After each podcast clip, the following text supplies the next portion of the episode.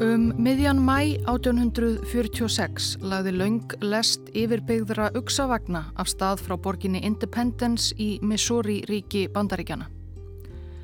Vagnarnir voru mörg hundruð talsins, það fóru ekki allir af stað samtímis, einn af öðrum skröldu þeir út úr borginni vagnarnir og með þeim uksar, hestar, múlasnar, fleiri skeppnur og manneskur, konur, karlar og börn. Allt stemdi þetta í sömu átt, í vestur. Framundan var laungferð þvert yfir Norður Ameríku til Kaliforníu. Fólkið í vögnunum og meðfram þeim voru landnemar, fólk austar aður hennum ungu bandaríkjum sem vildi freysta gæfunar í landflæminu í vestri í Kaliforníu við strönd Kirrahafsins. Kalifornia var á þessum tíma hluti af Mexiko sem fyrra á 19. öldinni hafði brotist til sjálfstæðis frá Spánverjum.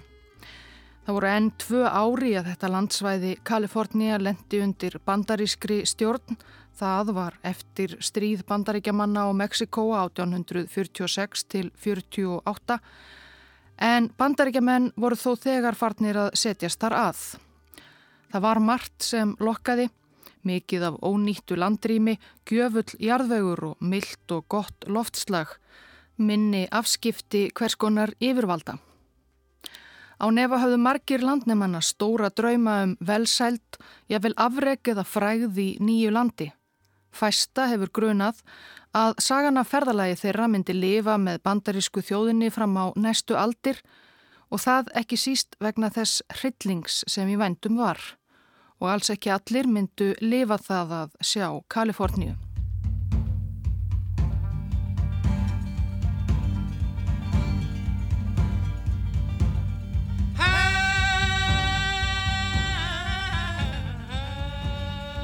Vitaskuld var Kalifornia og það sem bandargemenn kölluðu Oregon svæðið norður af henni alls ekki aukt land og mannlaust þarna um miðbygg 19. aldar. Í Kaliforníu bjó þegar fjöldi þjóða, fólk með langa sögu og ríka menningu og djúpa þekkingu og vald á eigin landi.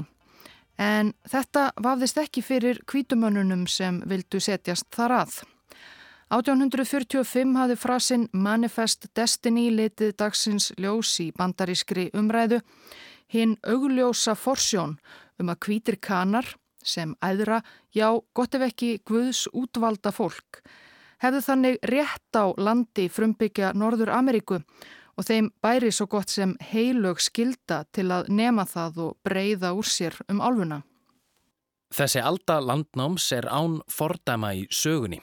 Augu hinnar bandarisku þjóðar líta nú í vestur og þúsundir stara af innbeittum áhuga á strendur Kirrahafsins með það að markmiði að flytja einu sinni enn í eitt síðasta skipti langt í vestur.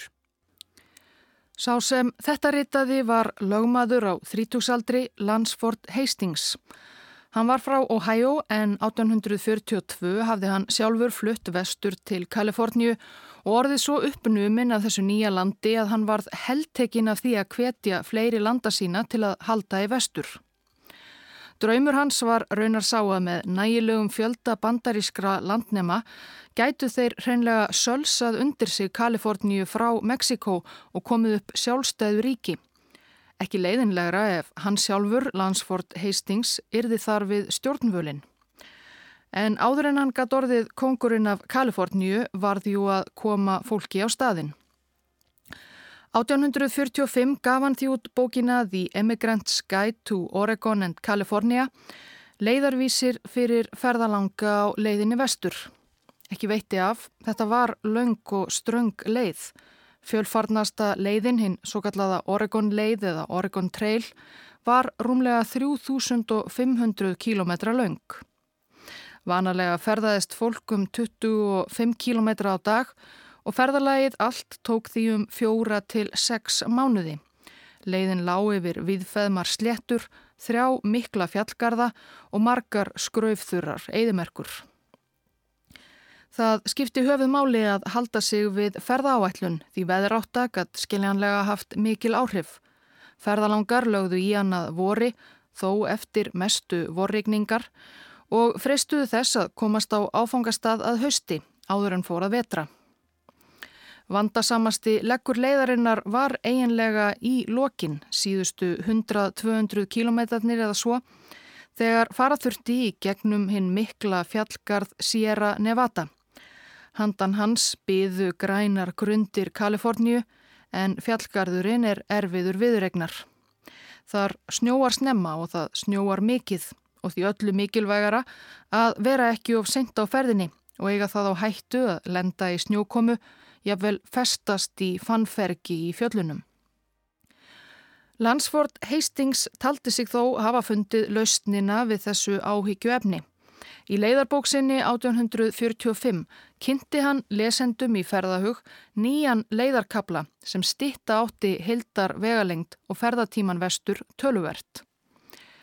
Í stað þess að fara eins og hinn venjubundna Oregon leið mælti áum þar sem jafnan var byggt nokkuð til norðurs í Wyoming og farin svo kallu Snake River sletta í Idaho væri stittri leið að fara þessi stað áfram beint í vestur yfir Vasats fjallgarðin þar sem nú eru landamæri Idaho og Utah og svo beint í gegnum saltleik eðimörkina miklu. Ferðalangar myndu svo að endingu aftur lenda á henni hefbundnu leið í Nevada þá búinir að græða dýrmætan tíma með þessari snjöllu og greiðfæru stuttu leið. Lansford Hastings hafði að vísu ekki enn farið þessa leið sjálfur, bara teiknað hana upp á korti en það skrifaði hann ekki í leiðabókina.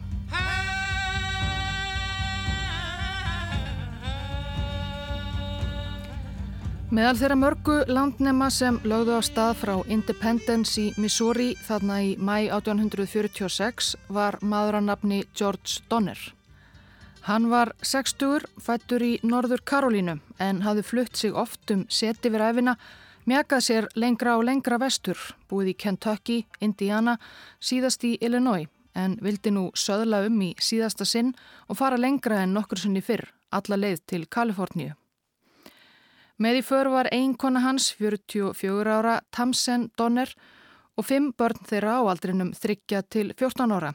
Yngri bróðir George Jacob Donner, 56 ára, var einning með í för og einkona hans Elisabeth og sjö börn það elsta 14, það yngsta einsás. Seks kúskar, ungir karlmenn ráðnir til að stjórna uksavögnunum, ferðuðust með fjölskyldunni. Donner fjölskyldan hafi ekið frá Illinois í samfljóti með öðrum hópi á sömu leið. James Reed hafi flutt til bandaríkjana og barsaldri frá Írlandi. Hann var á faraldsvæti með konu sinni Margaret og fjórum börnum. Sjötug tengdamóður hans var einning með í för í byrjun en hún var berglasjúk og ljast þegar ekki var langt liðið á ferðalagið. Margaret Reed, dóttir hennar, hafi lengi verið hilsuveil sömuleiðis og James, maður hennar, vonaðist ekki síst til þess að í heitara loftslægi Kaliforníu myndi hún loksins ná bata. Með rít fjölskyldunni voru þrýr kúskar og tveir aðrir starfsmenn að auki. Samanlagt voru í Donner og rít fjölskyldunum 32 ferðalangar. Þau voru með nýju vagna sem uksar dróu og voru hlaðinir öllu því sem þau gætu þurft á að halda í langferðinni og til að byrja nýtt líf í Kaliforníu. Fleiri ferðalangar slættust með þegar á leið sem fyrir segir voru mörg hundruð vagnar, fjöldi landnema sem stemdu sömu tróðnu slóðana til Kaliforníu og Oregon. Fjölskyldunar Donner og Reed frá Illinois voru reyndar með þeim síðustu sem lögðu af stað frá Independence í Missouri þetta vorið, Ráku lestina. Í slagtói með þeim við upphafi ferðar var meðal annars bladamaður frá Kentucky, Edwin Bryant, sem var að skrifa bók um ferðalag landnemanna. Hann lísti því sem við tók skömmu eftir brottför frá Independence, Missouri, slettunni miklu sem vagnalestin mjakaðist í gegnum. Ekki nokkur einasti, lifandi eða kvikur hlutur blasti við á víðáttu miklu flæminu, kvítar yfirbreyðurnar á vögnunum og mennirnir og skeppnur þeirra eru það eina sem brítur upp grafakyrð landslagsins. Dýrlegri sjón hefur aldrei sérst nýja einmannalegri.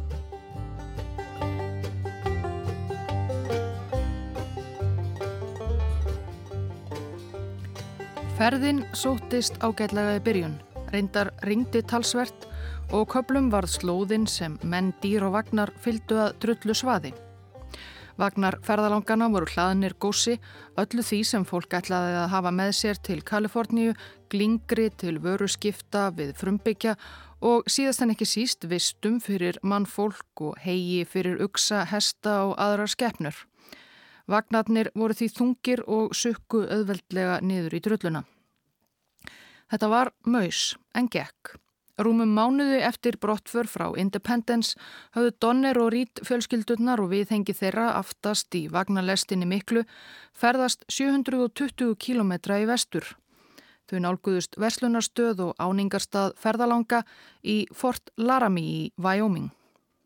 Tamsen Donner, eiginkona George Donners, hafði haft nokkrar áhyggjur af ferðalæginu framundan en sá nú ástöðu til Bjart síni og ritaði í brefi til sýstur sinnar heima í Illinois. 16. júni. Við erum komin á slettuna. Erum 200 mílur frá Fort Laramie. Ég hefði aldrei trúað því að við getum komist svona langt, svo auðvildlega. Já, ef ég lend ekki í einhverju miklu verra en ég hef þegar gert, fullirði ég að mestu vandraðin felisti því að leggja af stað. Til Fort Laramie við rætur Klettafjalla komu söguhetjur okkar 27. júni. Vegna regningana voru þau um viku og eftir bjart sínustu áætlun en það var ekkert til að hafa of miklar áhyggjur af. James Reed var þó umhugað um að þau yrðu ekki of sein á ferð og í farangri sínum var hann með áhugaverða bók, leiðarvísi Landsford Hastings fyrir Kaliforníu fara og kaplinum stittri leiðina sem Hastings hafi kortlagt í gegnum saltleik eðumörkina vakti óneitanlega áhuga hans. Í Fortilaramí þar sem fjölskyldunar áðu í nokkra daga rakst Reed svo á gamlan kunningja frá Illinois, James Kleiman. Hann var reyndur fjallaleðsugumadur og var á leiðinni á hestbakki austur frá Kaliforníu. Kleiman var einnig kunnugur tíðum Hastings og hafði einmitt farið stittri leið hans í þetta skiptið. Kvöld eitt settust þeir Kleiman og Reed niður og rættu málinn og í stuttumáli réði klæman rít eindreið frá því að reyna við leið heistings.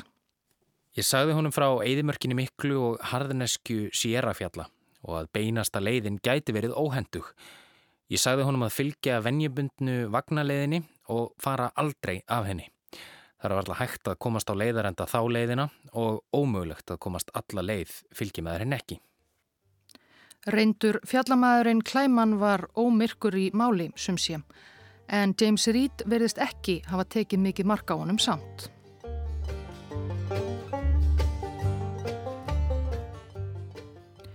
Eftir stuttaviðdvöl í Fort Laramie heldu vagnarnir áfram vestur. Reyndar snýru alltaf sumir ferðalangar við í Fort Laramie voru búinir að átta sig á því að þetta 3500 km skröld þvert yfir Norður Ameríku álfu var ekkert grín, ekki fyrir hvert sem er að ferðast.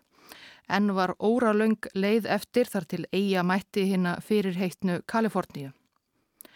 En fjölskyttunar Donner og Reed voru ekki á því að hætta við. Og Lansford Hastings rak enn stífan áróður fyrir Kaliforníu ferðum og sinni stuttu leið. Hann let sér ekki næja að hafa skrifað bók um efnið. Um miðjan júli, þar sem vagnalestir mjöguðust áfram yfir grösuga flattnesku Wyoming, byrtist sendibóði á hestbaki úr vestri.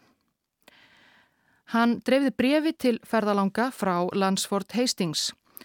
Atafnamaðurinn lofaði að býða þeirra sem vildu fara hans leið á næstu verslunastöð til vesturs, Fort Bridger, og fylgja þeim þaðan sjálfur áfram. Hinn hefðbundna leið lág ekki um Fort Bridger. Fyrst komu vagnarlestirnar að áni Little Sandy Creek þar sem snúa átti í norðvestur. Og það gerðu lang flestir Kaliforníu fararnir þetta sumarið þrátt fyrir þessar brefasendingar Lansford Hastings. Nema um 20 vagnar. Þar á meðal þeir sem tilheyrðu Illinois fjölskyldunum Donner og Reed. Þau heldu áfram beint í vestur Þau höfðu ákveðið að taka stittri leiðina.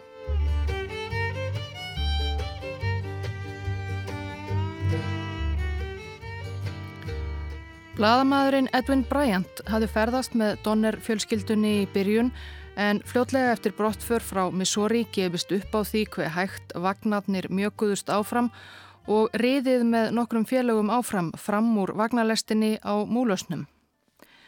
Bryant kom til Fort Bridger rúmri viku á undan Donner og Reed. Lansford Hastings var þá þar, beigð ferðalanga og tíundaði ágæti nýju leiðarinnar sinnar.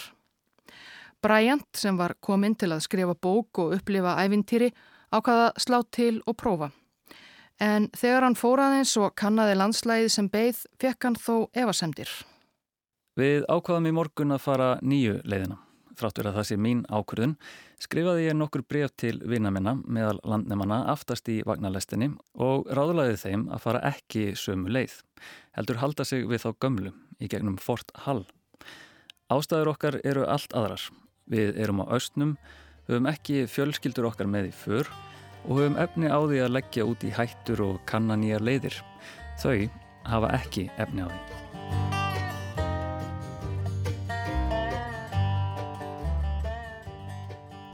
...27. júli komu Donner og Rítfjölskyldunar og hinnir ferðalangarnir til Fort Bridger.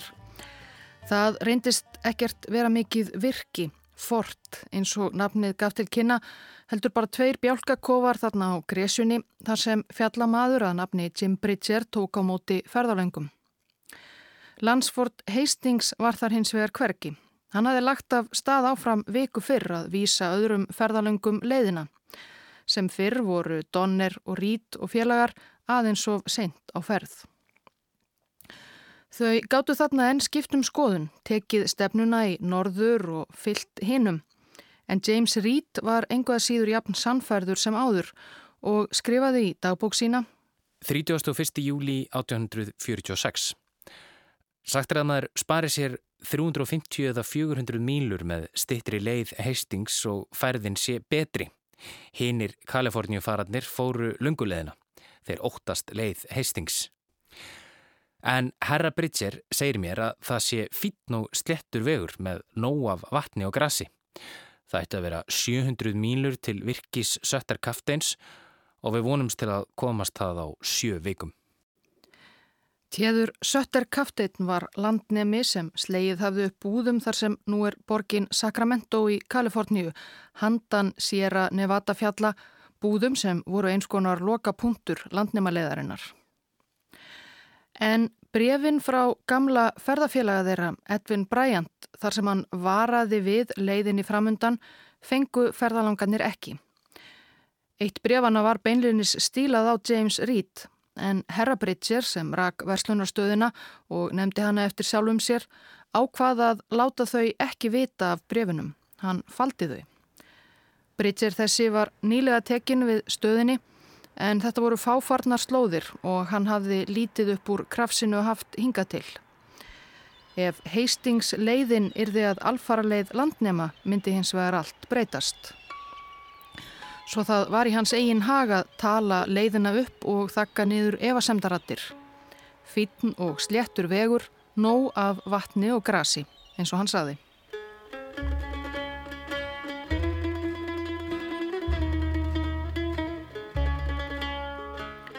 Fyrstu dagarnir eftir brottför frá Fort Bridger gengu vel.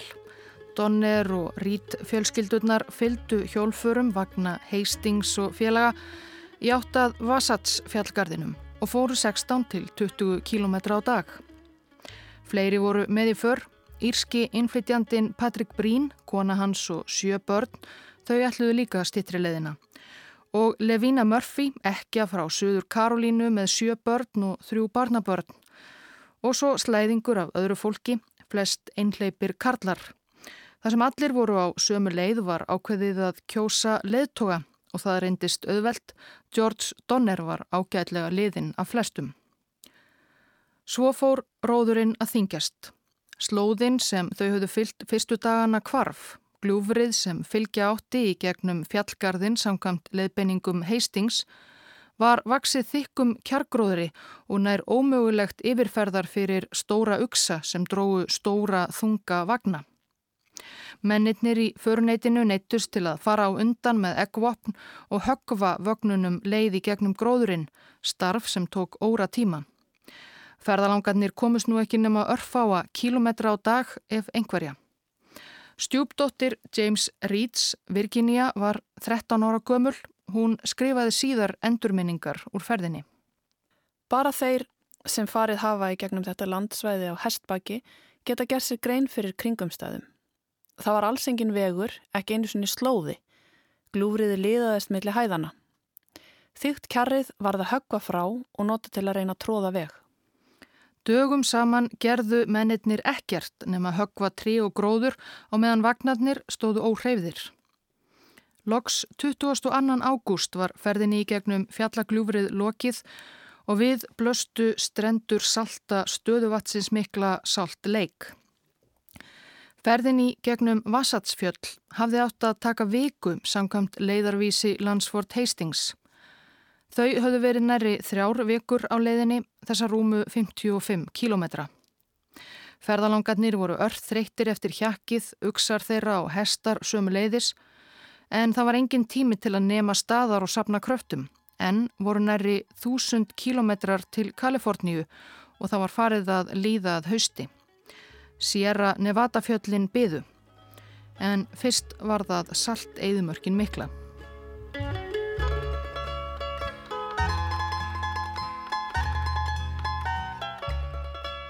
Engur staðar mitt á ömurlegri ferðinni yfir Vassatsfjöll fjölgaði óvandi hópi ferðafélagana.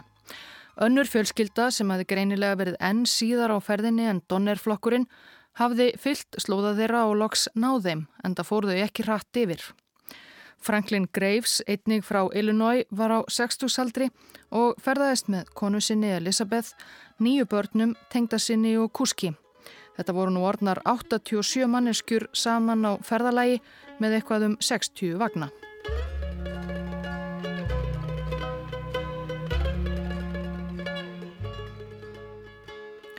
Landsford Hastings hafði tekist að komast yfir fjallgarðin á undan þeim með föruneti sínu. Hann fór raunar aðeins aðra leið sem þó var lítið auðveldari.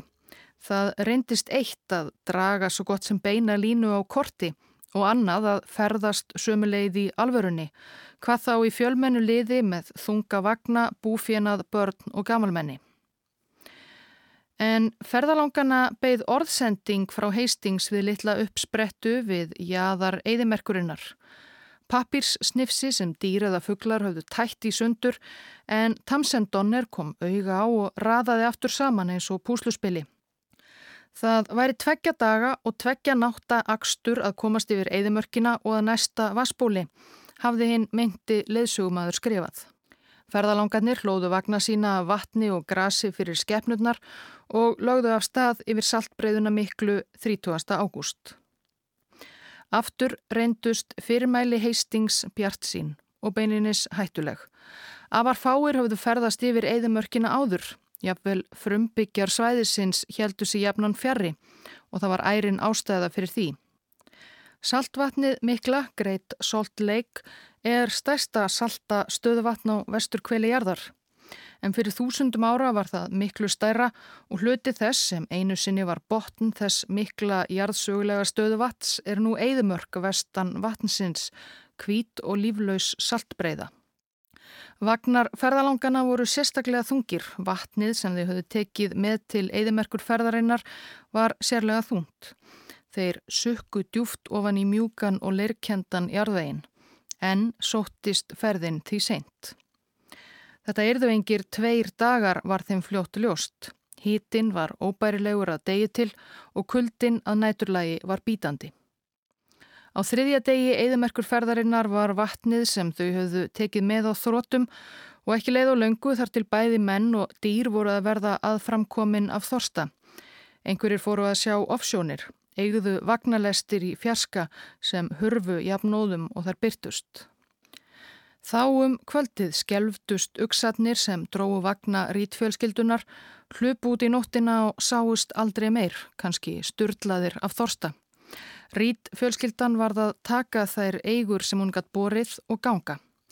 Fjölskyldan hafi verið í upphafi ferðar með hvað veglegastan farangur af öllum í föruneytinu en nú varð æg minna eftir.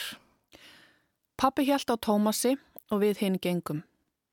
Við fórum upp að vagnir Donner fjölskyldunar og þau voru öll sofandi. Svo við löðumst á jörðina. Við breytum eitt sjál á jörðina og annað yfir okkur og letum svo hundana liggja á okkur. Vindurinn blés mikið og ef hefði ekki verið fyrir hundana hefði við frosið.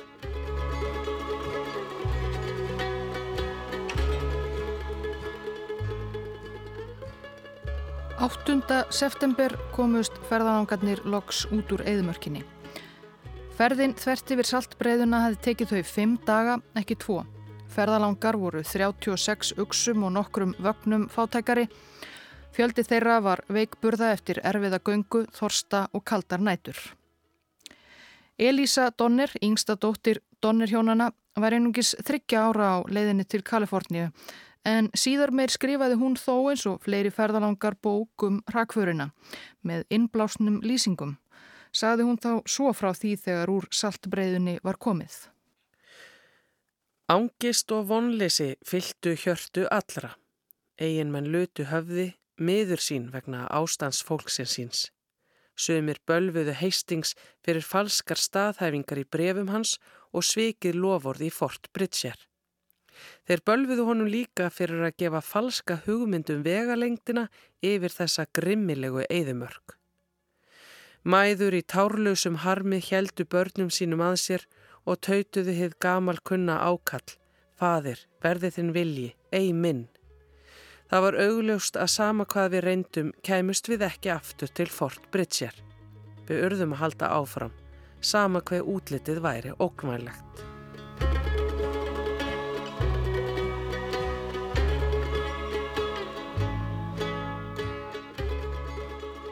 Patrik Brín, Íri frá Æjóva og fjölskylda hans, kona og sjö börn, hafðu slegist í för með Donner Rít-floknum Snemma, einhver staðar í Missouri. Við kynnumst Patrik þessum ögn betur síðar. En elsti sonur hans, John Brín, var þarna 14 ára gamall. Hann orðaði það síðar þannig, aðspurður um þennan tímapunkt í ferð þeirra, að það hafi verið þarna sem henni raunverulegu erfiðleikar hófust. Hver miklir erfiðleikar byðu hópsins enn óraði þú líklega stengan fyrir.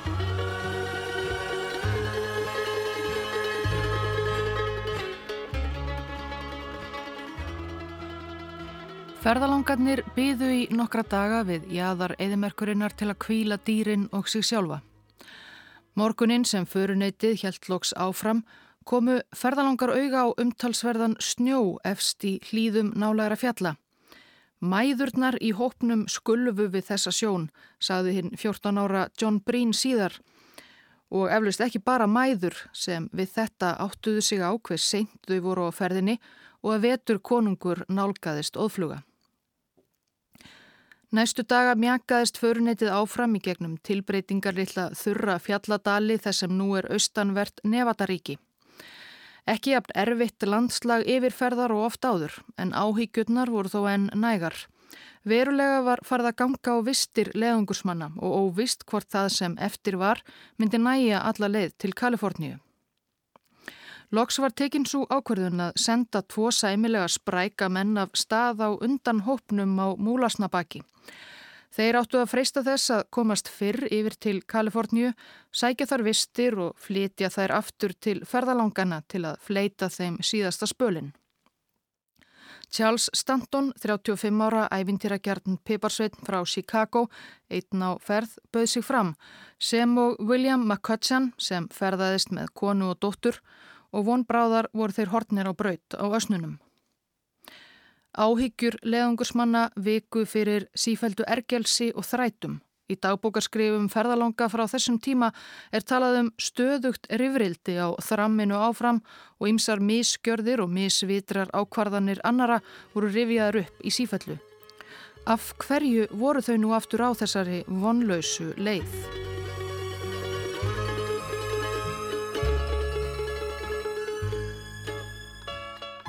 27. september voru ferðalangarnir komnir að bökkum Humboldt ár sem rennur til vesturs í gegnum Nevada.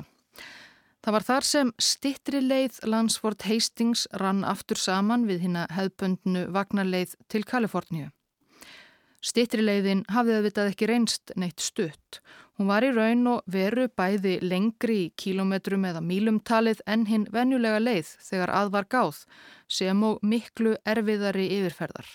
Það var ástæða fyrir því að þessi leið hafði ekki verið farin áður, auðvitað. Ferðalangarnir okkar voru nú langt mörgum vikum á eftir áætlun og flest þegar orðin ansi lúin og ítla til reyka, menn sem skeppnur. Í Fort Bridger hafði James Reed skrifað í dagbók sína að hann vonaðist til þess að vera komin til Kaliforníu að sjö viknum liðnum. Síðan voru nú liðnar meira en sjö vikur og það var enn laungleið eftir til Kaliforníu og það einn erfiðasti hluti ferðarinnar og það var sem fyrir engin möguleiki að hætta við, snúa við eða nema staðar og sapna kröftum of lengi. Nú var þetta kapplaup við tíman. Veturinn nálgæðist og það skipti öllu að komast yfir að Nevada fjöllin miklu áður en færið að snjóa og snjórin tefti gljúfur og gil.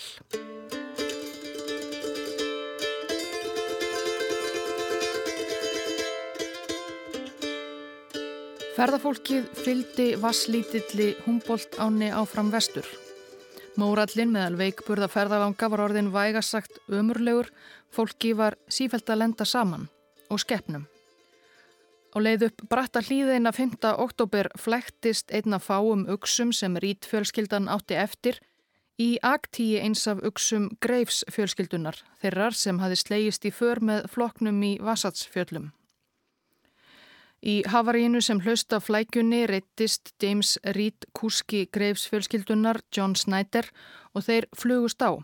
Snyder sló til Reed með svipu sinni og á móti dró Reed upp veiðinnýfsinn og stakk Snyder djúbu sári í bringuna. Hann lippaðist nýður og lest skömmu síðar. Reed hafði verið einn af leðtógum leiðangur sinns hinga til, þó alls ekki væri hann vel þokkaður af öllum ferðalöngum. Hvað nú? Ferðafólkið var þarna löngu komið út fyrir landamæri bandaríkjana og bandarísk lög gildu formlega séð ekki. En eftir nokkrar umræður tóku félagar Ríts, morðingjans, ákvörðun um að gera hann útlægan úr föruneytinu. Honum var gert að setjast á bak hesti sínum án vista, án vopna og ríða á braut. Einkona hans og börn urðu eftir í vagnalestinni, fjölskyldufæðurinn reið á brott, hvarf sjónum þeirra, en hvar þó ekki alveg úr sögunni.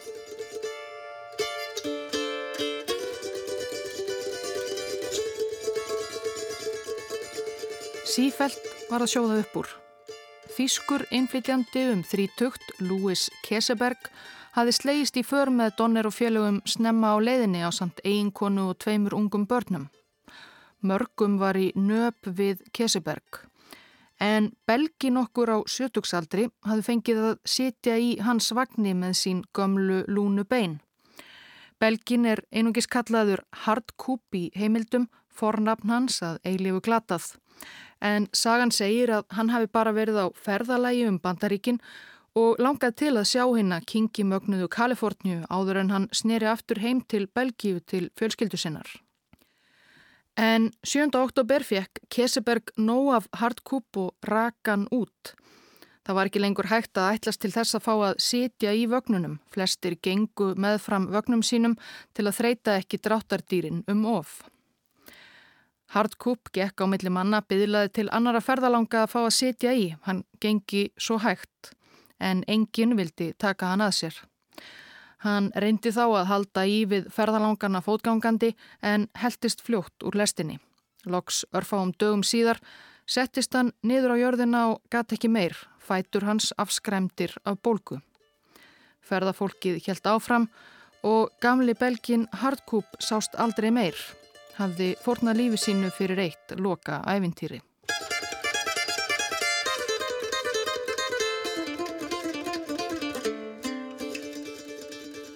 Margir landnemar sem lögðu í ferðina miklu yfir álfunam óttuðust ekki torfært landslægið eða fjandsamlega veðráttuna mest, heldur frumbyggja landsvæðisins sem þeir fóru yfir og töldu nú sitt eigið. Bandarækja menn vissu flestir lítið um þær þjóðir sem byggt hafðu Norður Ameríku löngu áður en þá sjálfa barað gardi og voru vitaskuld afar fordómafullir í þeirra garð. Landnematnir voru því oft með fjöldanallan af vopnum í vögnum sínum kæmi til átaka við harðskeita frumbyggja. En þessar áíkjur voru í raun mjög ofvaksnar. Á þessum árum þegar kvítir landnemar sníkluðust í vestur kom í raun frekar sjaldan til átakamilli þeirra á frumbyggjana eins og síðar í tíma sakfræðingar hafa sínt fram á. Skærur voru fremur fátíðar og döðsföll en fátíðari á báða bóa. Fram til þessa höfðu landnemadnir í Donnerfloknum haft frekar lítið af frumbyggjum að segja af og til hér og þar á ferðinni séð til þess að einhverjur fyldust með þeim og barningi þeirra úr fjarska. En nú á meðan föruneytið ferðaðist með fram Humboldt áni höfðu frumbyggjar nokkru sinnum setið um tjaldbúðir þeirraða næturlægi, stólið uksum, fælt á í burtu eða hreinlega drepið. Samtals hafði flokkurinn nú mist meira en hundrað nautgripi.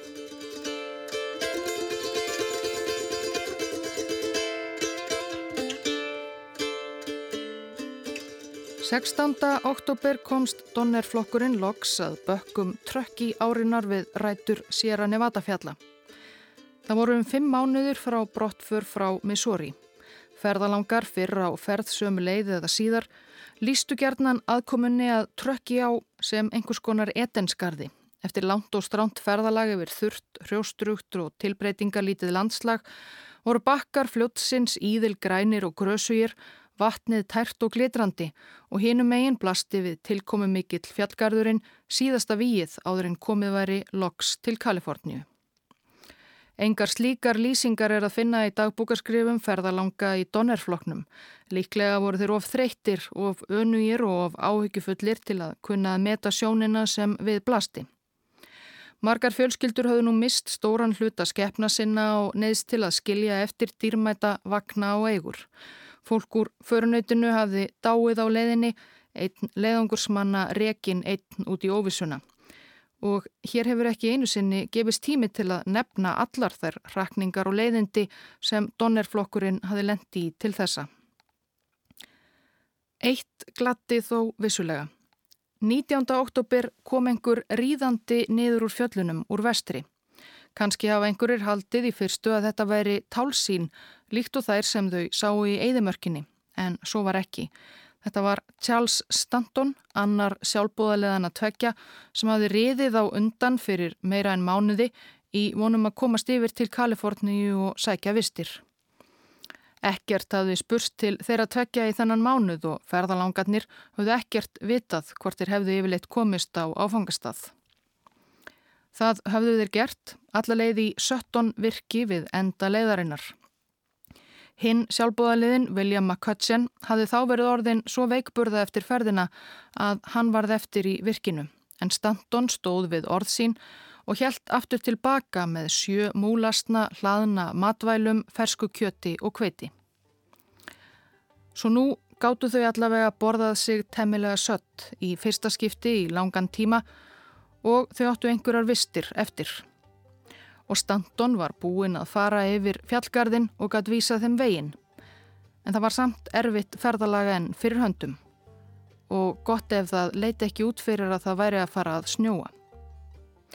Þau höfðu þegar þurft að þóla mun meira en margir landnemar gerðu á allri leiðinni til Kaliforníu eins og einn sakfræðingur orðaðiða komist oftar en einu sinni í návi við endalókin. En þó það var núna sem allra mestu raunir Donner föruneytisins voru að hefjast.